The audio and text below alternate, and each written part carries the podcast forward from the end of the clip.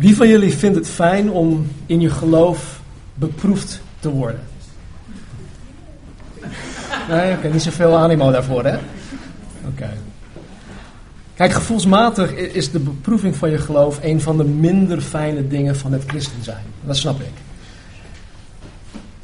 Je hebt ook niet van die mooie plakaten die aan je muur hangt met bijbelteksten erop die over beproeving gaan. Of van die bemoedigende kaartjes dat je beproefd zal worden. Iedereen die godvruchtig wil, wil leven, die zal met beproeving te maken krijgen. Zo'n kaartje heb ik nooit, nooit ontvangen trouwens. Want beproeving van je geloof is, is confronterend. Soms kan het ook heel pijnlijk zijn. Het is indringend, het is moeilijk en vaak is het voor je gevoel ellendig. Want beproeving heeft, neemt allerlei verschillende vormen aan. En ik denk dat de meeste christenen beproeving, koste wat kost, gewoon willen vermijden. Laten we gewoon eerlijk zijn. Wij vinden als christen zijn de beproeving niet leuk, toch? Nee, we vinden het niet leuk. Maar Gods, of beproeving is, is Gods methode om de christen te heiligen. Beproeving is Gods methode om de christen, om ons te heiligen. Dat betekent dat het Gods methode is om de christen meer als de Christus te maken. En als ik zeg van, oké, wie van jullie willen meer als christen zijn? Ik denk dat we allemaal onze hand opsteken. Oké, wie willen daartoe beproefd worden? Nee. Maar beproeving is goed, want dat is Gods doel met ons. Kijk, tot nu toe hebben we de eerste twee weken, of de eerste twee van de zeven brieven behandeld. De eerste brief was aan de kerk in Efeze. Deze kerk heeft hun eerste liefde verlaten. Daarnaast deden ze hele goede dingen hoor, maar hij had dat wel, Jezus had dat wel tegen de kerk, dat zij hun eerste liefde hadden verlaten. Vorige week, de tweede brief, was aan de kerk in Smyrna. Smyrna. Jezus had niets tegen hun. Ze werden vervolgd. Vanmorgen gaan we kijken naar de kerk in Pergamus. Uh, het wordt ook Pergamum genoemd of Pergamon. Dus ik weet niet welke Bijbelvertaling je, je hebt. Maar voor, uh, vanuit de herziene staatsvertaling noemen we het Pergamus. Maar voordat wij de, de tekst in openbaring openslaan, wil ik uh, jullie vragen om Leviticus 18 open te slaan. Leviticus, Genesis, Exodus, Leviticus. Leviticus 18. Nou, het Bijbelboek Leviticus werd zo'n twee jaar na de Exodus uit Egypte aan Mozes gegeven. Toen de Israëlieten kampeerden aan de berg van Sinaï. En wat Leviticus is, het is Gods handleiding voor het leven van zijn volk die hij, hij net een paar jaar geleden verlost heeft vanuit de, ja, de slavernij in Egypte. Deze mensen, dat waren zo'n 2, 2 miljoen mensen, die hadden het gewoon keihard nodig, omdat zij zo gelijkvormig waren aan de wereld. Zij wisten niet hoe zij God hoorden te aanbidden. Zij wisten niet wie God was of wat God van hun vroeg. Het is dus door God gegeven zodat zijn volk Israël weet hoe zij hem horen te aanbidden. Het is door God gegeven zodat zij weten hoe zij hem horen te dienen. En hoe ze hem als de enige echte God van de Bijbel, eh, de enige echte heilige God, hoe zij hem horen te gehoorzamen. En als je dan ja, alles, uh, alle 27 hoofdstukken van de Viticus zou kunnen opsommen, dan zou je het eventueel kunnen opsommen in hoofdstuk 18, vers 1 tot en met 5. daar gaan we vanmorgen ook uh, mee beginnen. Leviticus 18, vers 1 en 2.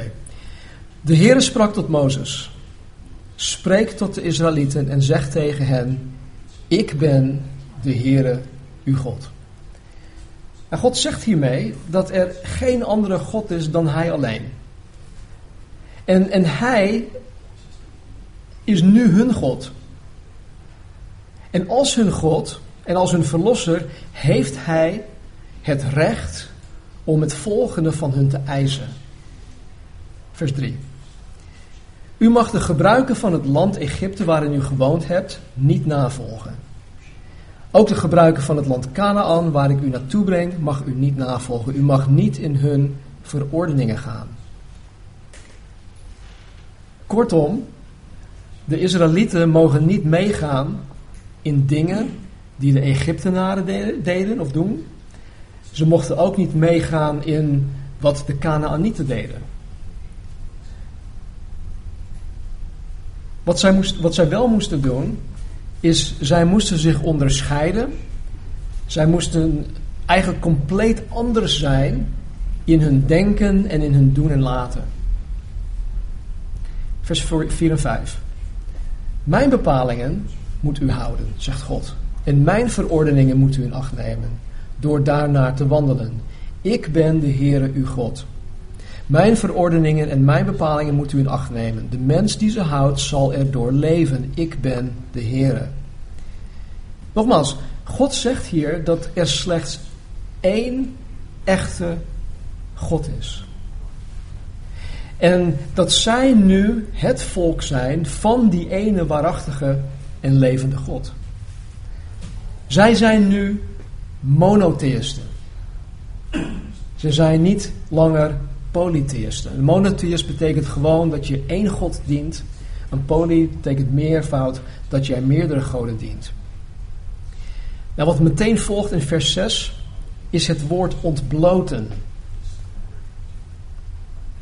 En dit betekent gewoon naaktheid. In vers 7 komt dit woord drie keer voor. Het komt voor in, in de woorden schaamte en ontbloten. In vers 8 komt het twee keer voor. En dan tot vers 20 blijft de Bijbel de naaktheid bestrijden. Naaktheid. En vervolgens staat er in vers 20: Ga niet naar bed met de vrouw van een ander. Als je dat wel doet, word je onrein. Kijk, als er iets was dat de heidense culturen van Egypte en van Canaan kenmerkte, dan was dat naaktheid. Alles moest bloot. De heidenen die, die leefden voor losbandigheid, ze leefden voor seksorgies. Dus hoe bloter, hoe beter. Naaktheid. En dan gaat hij verder. Vers 21. U mag niemand uit uw nageslacht overgeven aan de molech, om aan de molech geofferd te worden. De naam van uw God mag u niet ontheiligen. Ik ben de Heere. U mag niet slapen met een mannelijk persoon zoals u met een vrouw slaapt. Dat is een gruwel. Vers 23. U mag, ook mag u met geen enkel dier de geslachtsdaad verrichten. Dan verontreinigt u uzelf daarmee. Een vrouw mag ook niet voor een beest gaan staan om ermee te paren. Het is een afschuwelijke schandaad. U mag uzelf niet verontreinigen met al die dingen, want de heidevolken die ik voor u uit ga verdrijven, hebben zich met al die dingen verontreinigd, zodat het land onrein geworden is. Ik zal het zijn ongerechtigheid vergelden, zodat het land zijn bewoners zal uitspuwen. Vers 26. Maar u moet mijn verordeningen en mijn bepalingen in acht nemen. U mag geen enkele van die gruweldaden doen, de ingezetenen van het land niet en ook de vreemdeling niet die in uw midden verblijft. Want de mensen in dit land die er voor u waren, hebben al die gruweldaden gedaan, zodat het land onrein is geworden. En dan hoofdstuk 19, vers 1 en 2. De Heere sprak tot Mozes, spreek tot heel de gemeenschap van de Israëlieten en zeg tegen hen, heilig moet u zijn, want ik, de Heere, uw God, ben heilig. Tot zover.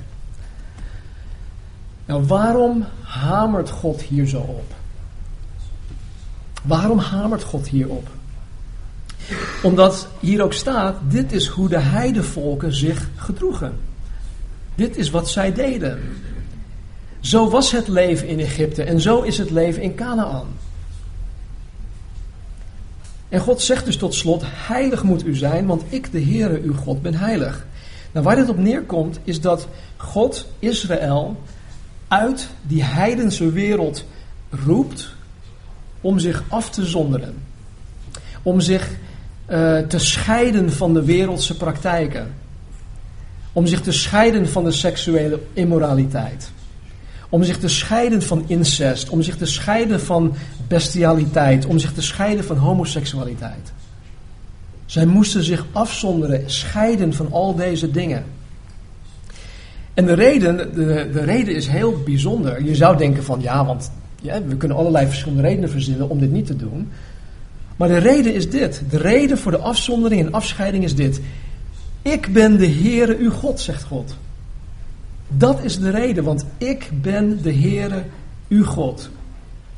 Met andere woorden, Israël, jullie doen deze dingen niet.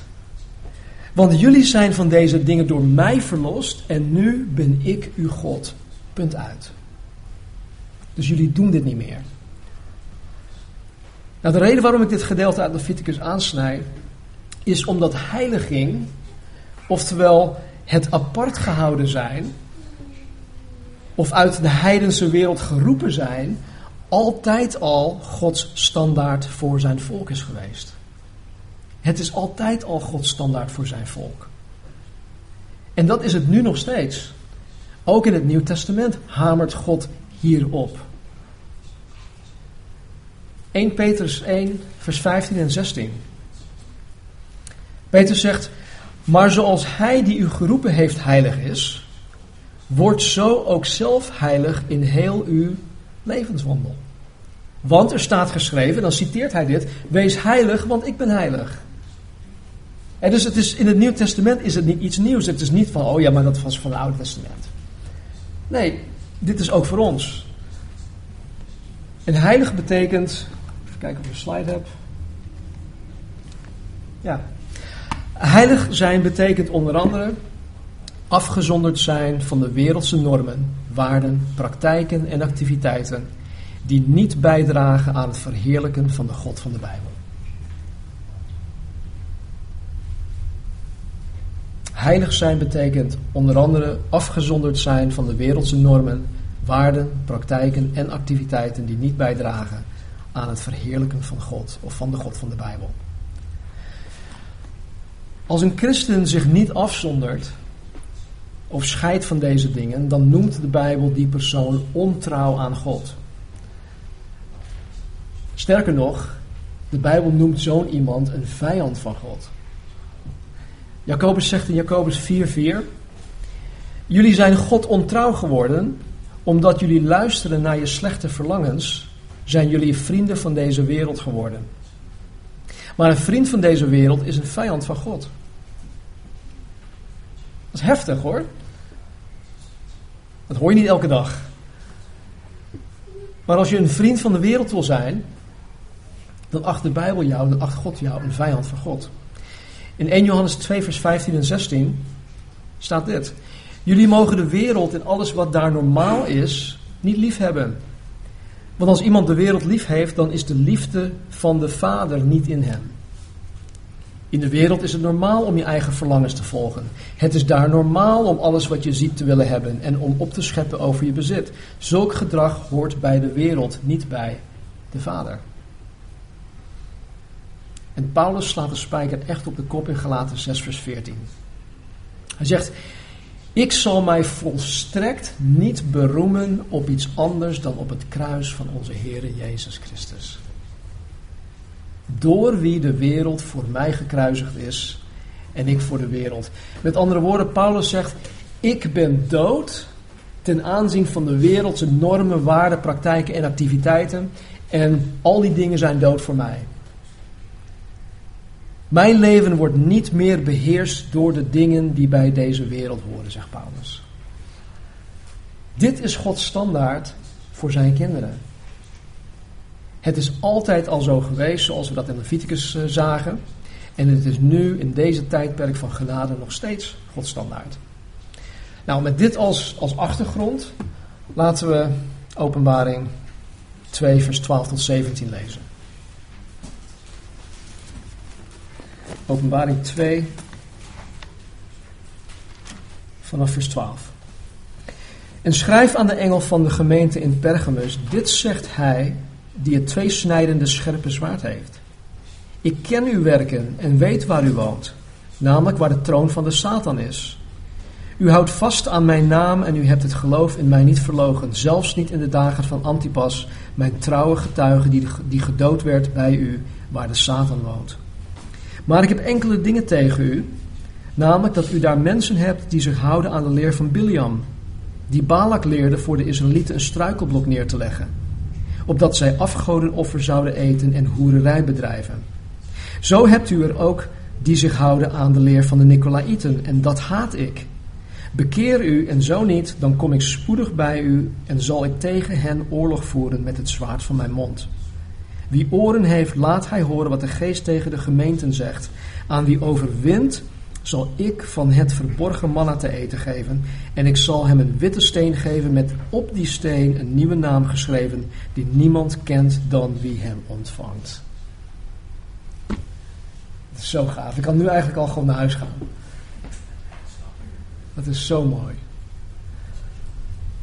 Maar hij zegt: schrijf aan de engel van de gemeente in Pergamus. Dit is hij, of dit zegt hij, die het tweesnijdende scherpe zwaard heeft. Nogmaals, de engel van de gemeente is de menselijke boodschapper, hoogstwaarschijnlijk de voorganger of een oudste van de kerk. In ieder geval is het de leider van die plaatselijke kerk. En Jezus omschrijft zichzelf hier als hij die het scherpe tweesnijdende zwaard heeft. Dit is wederom een, een, eh, een van de eigenschappen van Jezus dat in het visioen in openbaring 1 aan Johannes gegeven werd. En dit is terug te vinden in Johannes 1, vers 16. Zoals ik de vorige keren ook al zei, uh, zijn deze omschrijvingen van zichzelf zorgvuldig uitgekozen, want de eigenschappen die Jezus van zichzelf per kerk noemt, zijn juist relevant voor de desbetreffende kerk. En dat hadden we vorige keer, vorige keer ook gezien. En nu dus weer, het scherpe tweesnijdende zwaard is zeer relevant voor de kerk in Pergamus. Hier kom ik later op terug. Pergamus lag zo'n 160 kilometer ten noorden van Efeze. Het was de hoofdstad van Klein-Azië en het werd door velen gezien als de mooiste stad van Klein-Azië. Pergamus had, op de, op de, e, had de op één na grootste bibliotheek in de wereld in die tijd. De grootste was in Alexandria. En deze bibliotheek in de Pergamus had zo'n 200.000 boeken. Misschien zou je denken, van, ja, misschien, ja, dat is niet heel veel. Maar het is echt indrukwekkend, aangezien er nog geen drukpers uitgevonden was. En men al die boeken met de hand moest gaan schrijven. En het was vooral wegens deze bibliotheek dat Pergamus een cultureel en ook een intellectueel centrum was. Nou, tot die tijd haalde uh, Pergamus, uh, hoe heet dat, uh, papyrus om op te schrijven. En die importeerde dat vanuit Egypte. Maar op een gegeven moment uh, hield, hield het exporteren van uh, papyrus uh, op. Hè, vanuit ehm, Egypte. En omdat Egypte daarmee ophield, moest men iets anders gaan verzinnen. Een ander materiaal gaan gebruiken om te blijven kunnen schrijven. En het materiaal waar zij voor gekozen was gemaakt van dierenhuiden. En dit was uh, niet in Pergamus ontdekt, maar ze hadden het proces van het maken van deze vellen wel verfijnd. En zo hebben we de naam perkament gekregen. Perkament is afgeleid van het woord Pergamus. Nou, hier heb je een voorbeeld van iets dat op perkament geschreven staat. Hier dan? Die? Ja, het was ook een religieus centrum. Waar, uh, waarin onder andere het grootste altaar uh, ter wereld stond, het altaar van Zeus. En ik vond het wel interessant, want in 1886 heeft de Duitse archeoloog Karl Humann dit ontdekt. Die heeft de troon van, of de altaar van Zeus helemaal uit elkaar gehaald, naar Berlijn toegebracht. En heeft het helemaal weer in elkaar gezet, gerestaureerd. En dat staat sinds begin 20e eeuw in Berlijn. Het staat trouwens sinds 1930 in het Pergamon eh, Museum in Berlijn. En dat is dat.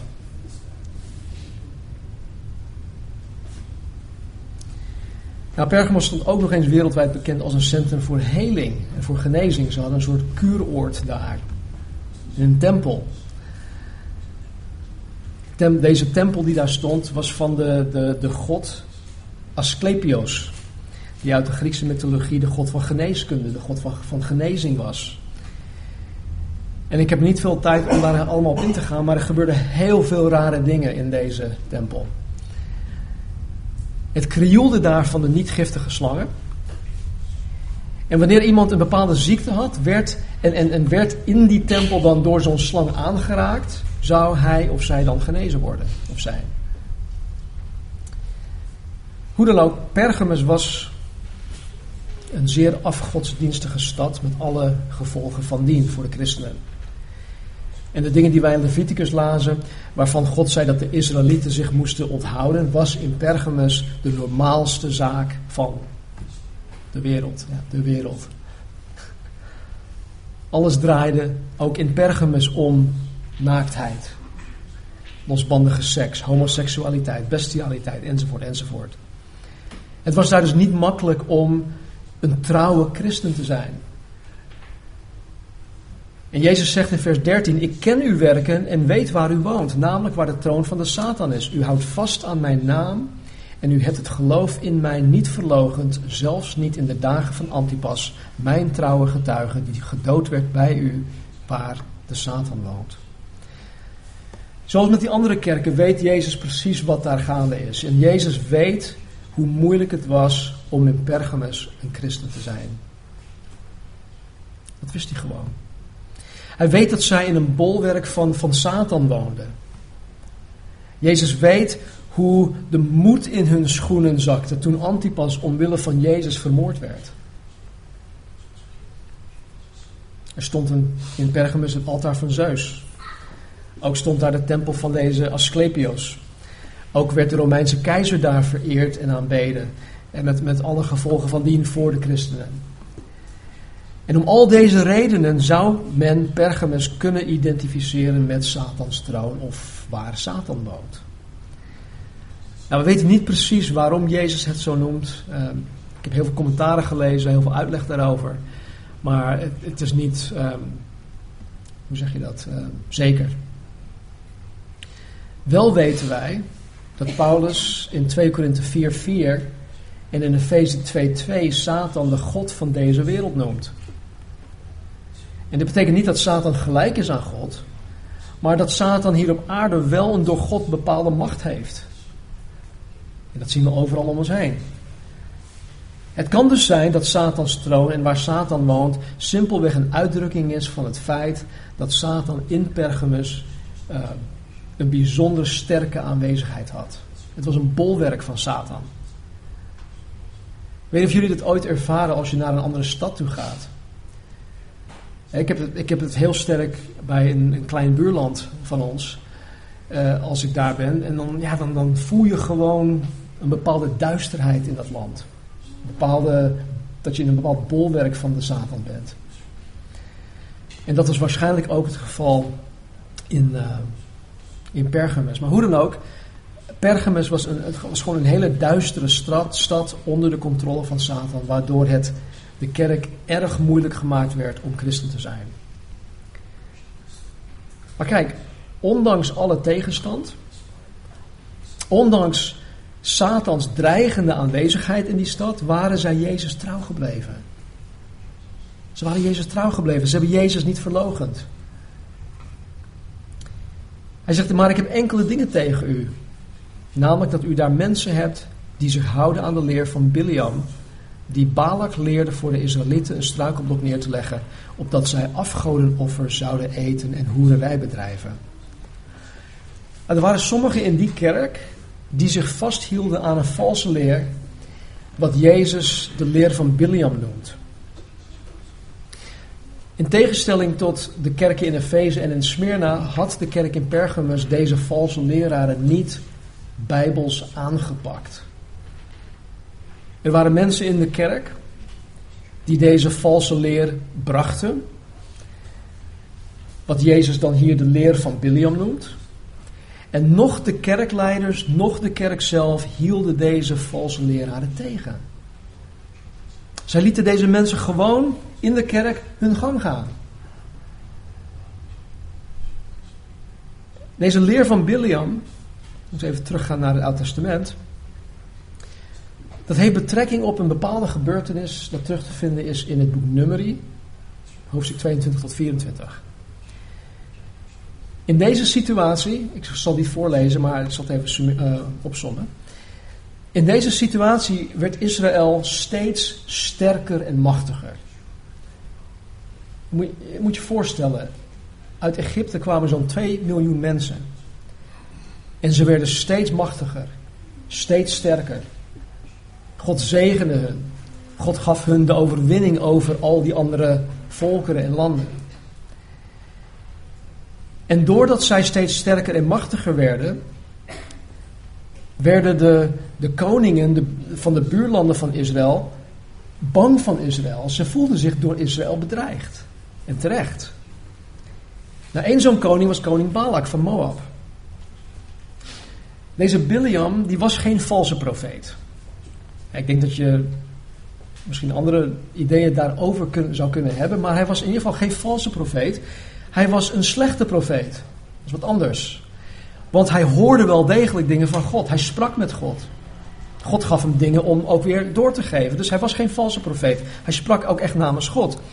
Maar deze profeet was slecht. Hij had meer interesse in materiële dingen. Hij had meer behoefte aan wereldse dingen en aan status dan in het behagen van de God van Israël. En deze Biliam stond bij koning Balak bekend als iemand die die hele volkeren of bepaalde mensengroepen kon zegenen en vervloeken. Dus met andere woorden, hij had een bepaalde reputatie in, in, in de regio dat als Biliam een volk zegende, dan werd dat volk ook gezegend. En als Biliam dat volk vervloekte, dan werd dat volk ook daadwerkelijk vervloekt. En hiervoor bood koning Balak Biliam een heftige beloning aan om het volk Israël te gaan vervloeken. Zodat Israël geen bedreiging meer zou vormen voor Moab. Nou, dat vind ik wel grappig, want nu, nu, was het zo dat, dat elke keer wanneer koning Balak Biliam erop uitstuurde om Israël te vervloeken, hield God Biliam tegen. Dus in plaats van het volk te gaan vervloeken, dwong God Biliam om Israël te zegenen. En tot drie keer toe deed, God, deed, deed Biliam dit. En dit frustreerde koning Balak, Balak mateloos. Waardoor koning Balak op een gegeven moment gewoon tegen hem zei: hou maar, hou maar je, je, kan beter je mond gewoon houden. Niet in die woorden, maar het was meer van: oké, zegen hun niet en vervloek hun niet. Met andere woorden, hou gewoon je mond. En deze koning Balak trok zijn aanbod van rijkdommen ook in. Goed, uiteindelijk was deze Biliam er niet op vooruit gegaan. En Biliam, die Biliam was, die ging dus naar de koning Balak toe. En hij kwam met een voorstel, zodat hij alsnog uitbetaald zou kunnen worden. Omdat God die toeliet, toeliet om Israël direct te vervloeken, kwam Biliam op een plan om Israël alsnog te schaden. Biliam adviseerde koning Balak om het volk van Israël van Gods wegen weg te lokken door hun te verleiden met wat? Met afgoderij en met hoererij. Biliam wist, hij was een slimme man, Biliam wist dat als Israël zich overgaf aan de heidense en aan de wereldse praktijken, dat God zelf Israël zou gaan vervloeken. En in nummer 25, 1 tot 3 staat dit. Toen de Israëlieten bij de stad zitten waren, begonnen de Israëlitische mannen vreemd te gaan met Moabitische vrouwen. Die vrouwen nodigden hen uit bij de offerfeesten voor de goden van Moab.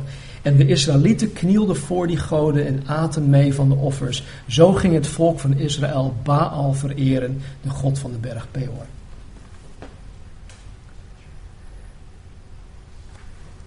Ik weet hoe het toen ging. Maar ik kan me voorstellen als daar een of andere nightclub was in die omgeving. En dat die vrouwen zeiden van, hé, hey, kom lekker hier naartoe. En dat ze uitgenodigd werden om, om dat soort dingen te doen.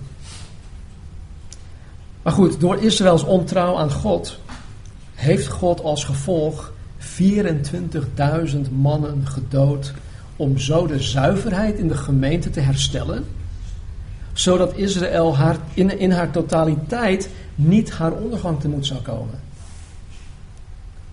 Best wel ingrijpend. 24.000 mannen dood. Om de gemeente te besparen van een totale ondergang.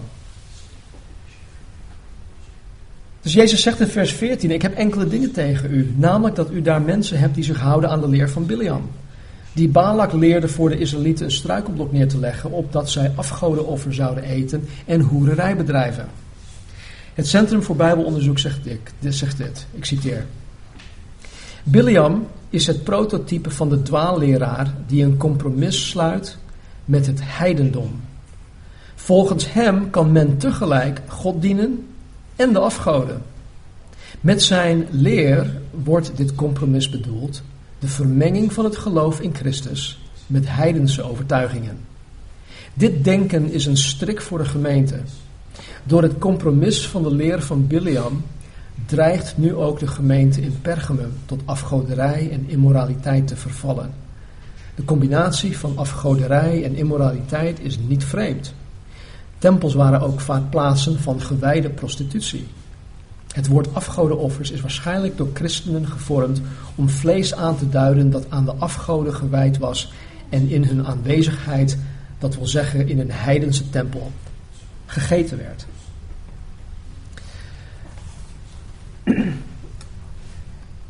Ik heb wel eens, ik, ik heb ook bij uh, verschillende bedrijven gewerkt. En uh, in een van de bedrijven waar ik werkte, uh, werkte ik met een aantal mannen. Leeftijdsverschil was best wel groot. Sommigen waren begin twintigers, anderen andere waren dan 50-plussers. Maar er zaten een aantal tussen die naar bepaalde plekken toe gingen om om seks te hebben. En ik weet niet, ik ken de namen niet meer van die plekken, maar hij legde uit, hè, want ik was nieuwsgierig van, joh, wat bedoel je, hoe zit dat? Ik wil weten waar mensen zich mee bezighouden. Dus hij, ik, ik vroeg, wat is dat voor plek? Nou, er zijn verschillende plekken hier in Nederland blijkbaar, waar je eerst gewoon kan eten, maar dan eet je daar gewoon in je naki, denk ik. Met elkaar. En vervolgens, ja, kan je van alles met elkaar doen. Volgens mij is dat ook het eten van offervlees. Want daar is niets goddelijks uh, aan wat die mensen met elkaar, gaan, wat die, wat die mensen met elkaar daar doen. De groep mensen in de kerk in Pergamus, en dat Jezus hier in vers 14 aanspreekt, die verleiden zichzelf. En ze verleiden ook de rest van de kerk om een compromis te sluiten met de wereld. En weet je, dit gebeurt vandaag de dag nog steeds. Er is niets nieuws onder de zon. Dit gebeurt vandaag nog steeds. Om maar één voorbeeld te noemen. Er staat hier dus in vers 14 dat Balak of Biliam Balak leerde voor de Israëlieten een struikelblok neer te leggen opdat zij afgodenoffer zouden eten. En wat? En hoererij bedrijven. God verbiedt in de Bijbel hoererij. Zowel in het Oude Testament als ook in het Nieuwe Testament. Hoererij betekent niet wat meeste mensen denken. De meeste mensen denken als je het hebt over hoererij dat, dat men naar de hoeren toe gaan voor seks. Hoererij in de Bijbel betekent simpel dit: seks buiten het huwelijk. Hoererij betekent seks buiten het huwelijk. Nou, wat is dat? Seks buiten het huwelijk. Precies zoals het klinkt. Seks buiten het huwelijk. Hoererij is seks hebben met je vriend of met je vriendin voordat je getrouwd bent. Dat is hoererij. Hoererij is ook seks hebben met iemand anders terwijl je getrouwd bent. Dat is ook hoererij. Het wordt ook wel eens uh, overspel genoemd. Maar dat is gewoon hoererij. Hoererij trouwens in het, in het Grieks is, is het woord pornea, waar, waarvan wij wat krijgen? Klinkt als pornografie. Dus als je samenwoont en je hebt seks met je vriend of vriendin, dan maak je je schuldig aan hoererij. Als je getrouwd bent en je hebt seks met iemand buiten je huwelijk, dan maak je je schuldig aan hoererij. Of overspel.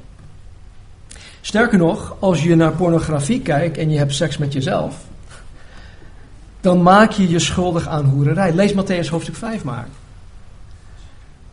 De enige vorm van seks dat door God toegelaten wordt, wat trouwens de allerbeste vorm van seks is, is tussen één man en één vrouw binnen het huwelijk, totdat de dood je scheidt. Ja, maar Stan, kom op, dit is 2016 of 2016. Dat was toen. Dat is toch niet meer van toepassing? Dit is veel te ouderwets. Kijk, ik snap dat dit voor sommigen heel ouderwets klinkt. Maar, luister goed. Dit klinkt alleen maar ouderwets voor degenen die een compromis hebben gesloten met het denken en het doen van de wereld. En helaas zijn er ook zat kerken die, zoals de kerk in Pergamus, dit soort afwijkingen van de gezonde leer niet alleen tolereren, maar het, zelf, maar het zelfs goedkeuren. Ja, want uiteindelijk voordat je een nieuwe auto koopt, moet je toch eerst een proefritje gaan maken. of als, als, je, als je gratis de melk krijgt, waarom zou je een koe gaan kopen? Tegen deze mensen zegt Jezus, bekeer u. Vers 15. Zo hebt u er ook die zich houden aan de leer van de Nicolaïten en dat haat ik. Tegen de kerk in de feesten zei Jezus dat hij de werken van de Nicolaïten haat. Hier zegt Jezus dat hij de leer van de Nicolaïten haat. Kijk, het is, al, het is erg genoeg hè, als iemand in de kerk een valse leer zelf hanteert. En dat hij er zelf ook naar leeft. Maar het is heel wat anders als hij of als die persoon zijn valse leer overbrengt op andere mensen in een plaatselijke kerk. Het valt niet, te veel, niet veel te zeggen over de Nicolaïten, althans, ik ga er niet veel over zeggen. Het betekent, de naam betekent het volk veroveren. De naam Nicolaïten betekent het veroveren van het volk. Dus het kan heel goed zijn dat deze Nicolaïten de mensen van de kerk in Pergamus trachten te veroveren met hun valse leer. Hoe dan ook, Jezus haat hun werken, hij haat hun leer en hij wil niet dat de kerk in Pergamus hun tolereert. Laat staan dat hij het goedkeurt. Vers 16, bekeer u en zo niet, dan kom ik spoedig bij u en zal ik tegen hen oorlog voeren met het zwaard van mijn mond. Weet je, de, de, de enige manier om radicaal, positief veranderingen in je leven te bewerkstelligen, is door je te bekeren. Als ik een tumor heb, waar dan ook in mijn leven, dan kan ik die tumor wel koesteren. En misschien ook wel strelen van nee, het is, is oké. Nee, maar als ik gezond verder wil gaan leven, als het een kwaadaardige tumor is, waar ik binnen eh, mum van tijd aan zou kunnen sterven, wat doe ik? Dan ga ik naar het ziekenhuis toe, dan maak ik een afspraak met de chirurg. Dan wordt er gewoon radicaal, mijn, lichaam wordt gewoon opengesneden met een mes. Dat is gewoon gewelddadig als je daarover nadenkt. En dat wordt gewoon eruit gesneden. Weet je, en dat is hetzelfde met bekering. Je moet het eruit snijden. Je moet gewoon stappen zetten. Dat is de enige manier.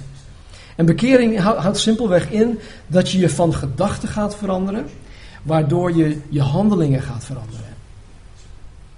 En dat moest de kerk in Pergamus doen, anders zouden er consequenties zijn.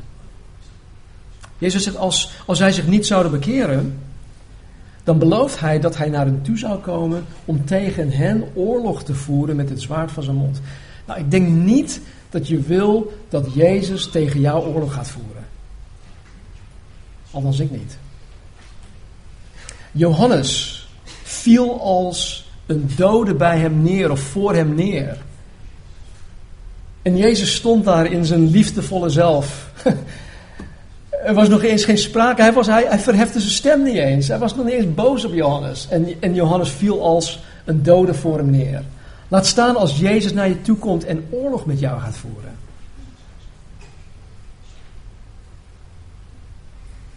Dit spreekt van oordeel, mensen. Niet het oordeel dat komen zal bij zijn wederkomst, maar een tussentijds oordeel. Dit moeten we heel goed snappen. Hè? In Hebreeën 4 zegt de Bijbel dat het woord van God scherper is dan een tweesnijdend zwaard. In Efeze 6 noemt Paulus het woord van God het zwaard van de geest. Jezus zegt dus dat als zij zich niet bekeren, hij met zijn zwaard, met zijn woord, de kerk zal gaan oordelen. Nou, misschien is het idee van een oordeel van de liefdevolle Jezus nieuw voor jou. Maar Petrus en Paulus leren ons allebei over het oordeel van God in zijn gemeente. In 1 Petrus 4, vers 17 zegt Petrus dit. Want de tijd van het oordeel is aangebroken en het begint met het huis van God. De tijd van het oordeel is aangebroken en het begint met het huis van God. Begrijp me alsjeblieft niet verkeerd. Petrus zegt niet dat God de zijne zal veroordelen. God zal zijn kinderen niet veroordelen. Het oordeel waar Petrus over spreekt heeft te maken met Gods kastijding. Dat heeft te maken met Gods beproeving, met Gods zuivering, met, met loutering van de gemeente. En van elk individueel onderdeel. In 1 Korinthe, dit is heel erg interessant, over het, uh, het, het avondmaal gesproken. Hè, dat, dat men uh, niet op elkaar wachtte. Uh, er was totaal geen liefde onder elkaar. Men hield niet rekening met elkaar. En dan zegt Paulus dit in 1 Korinthe 11, vers 31 en 32. Als wij onszelf zouden beoordelen, met andere woorden, als wij gewoon denken van, hey, doe ik dit wel goed, ja of nee? Dan zouden wij niet geoordeeld worden. Dus als wij zelf, als wij onszelf zouden beoordelen, zouden wij niet geoordeeld worden. Maar als wij geoordeeld worden, worden wij door de Here bestraft. Opdat wij niet met de wereld veroordeeld zullen worden. Snap je, dit is dus een corrigerende tik als het ware van God om ons weer op het rechte pad te brengen. Als ik afwijk, dan heb ik een tik nodig om me weer te corrigeren en weer terug te brengen op het juiste pad. Zodat ik uiteindelijk niet veroordeeld zal gaan worden met de rest van de ongelovige wereld. Daarom zijn er onder u, dit is zo bijzonder, daarom zijn er onder u veel zwakken en zieken en velen zijn ontslapen, oftewel gestorven. En dit is door toedoen van Gods oordeel.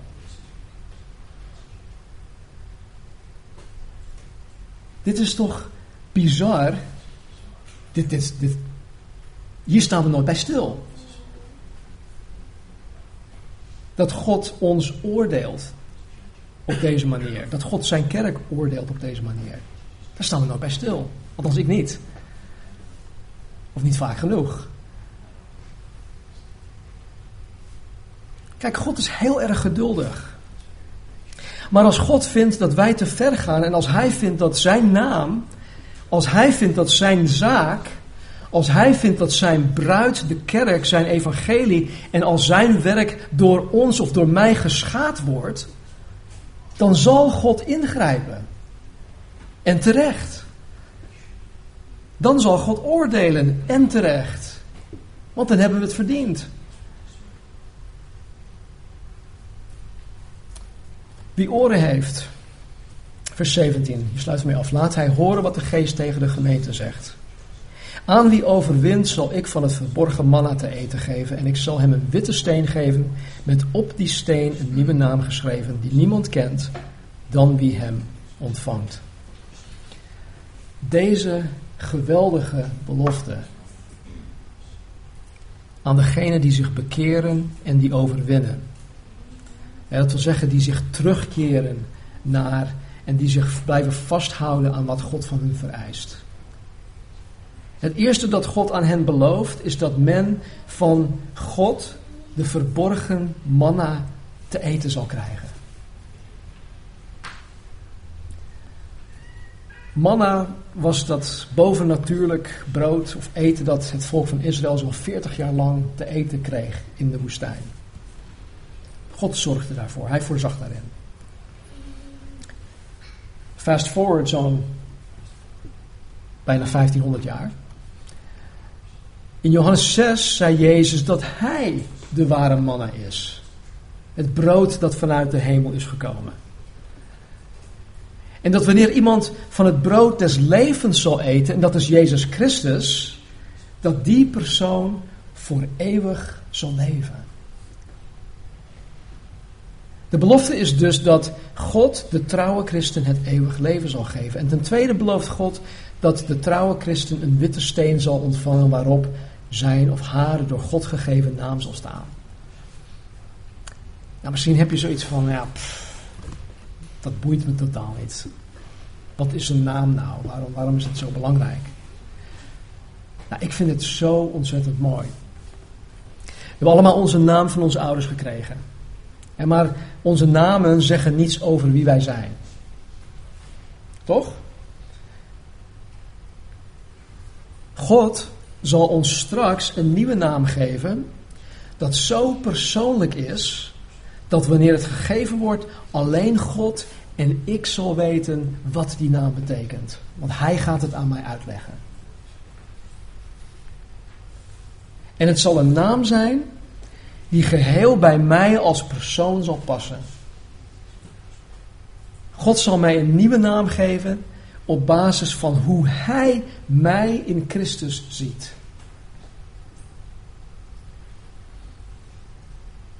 Waarom vind ik dit zo mooi? Hier op aarde in dit leven ben ik Stanley Patrick Marinussen. Ik ben de jongste van acht kinderen. Ik ben nog altijd het kleinste broertje. En ik word gekend door mijn daden en door mijn misdaden. En ik weet niet hoe het bij jullie zit. Ik denk dat sommigen van jullie, misschien niet jullie die hier zitten, maar er zijn sommige mensen die een andere identiteit zouden willen krijgen. En want gekoppeld aan hun naam staat, al, staat allerlei narigheid. En mensen zijn daar gekend. Liefst zouden ze een andere identiteit krijgen. Nou, ik denk vooral voor dat soort mensen dat dit van belang is. Dat, dat dit ook iets waar ik me echt rijkhalzend naar zou verlangen en alles eraan zou doen dat ik die nieuwe naam zal krijgen.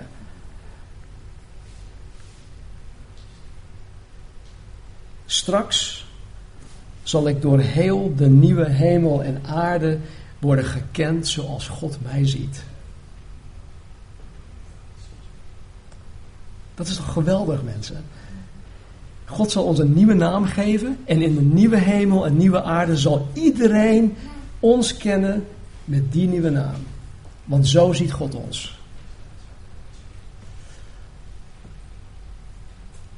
This is exciting, mensen. Kom op nou. Laten we bidden. Hemelse Vader, dank u wel dat u zo geweldig goed bent voor ons. Zo geduldig. Zo rechtvaardig. Zo getrouw in alles, Heer. En dat u ons uw woord hebt gegeven opdat wij niet in onwetendheid leven. Niet in onwetendheid door het christelijk leven zullen gaan. Maar opdat wij weten wat u van ons vereist. Opdat wij weten dat u van ons heiligheid vereist. Opdat wij weten dat u van ons verlangt en vereist dat wij ons afzonderen van de wereldse normen en waarden en praktijken en activiteiten die uw naam schaden. Dus heren, ik weet dat kennis of met kennis een bepaalde verantwoordelijkheid gepaard gaat. En dat wij vandaag misschien nieuwe kennis hebben gekregen. En dat die nieuwe kennis ons nu verantwoordelijk stelt voor die kennis. En dat wij daar iets mee moeten doen. Dus heren, waar wij ons van moeten bekeren, als er iets is waarvan wij ons moeten bekeren, vader, schenk ons alsjeblieft bekering. Help ons daarbij. Om de juiste keuzes te gaan maken. Om ons te willen schikken aan uw goede, welgevallige en volmaakte wil. Opdat u in en door ons heen verheerlijk zal worden. O vader, ik zie zo uit naar die verborgen manna. Het moment, heren, dat we overgaan van het tijdelijke naar het eeuwige.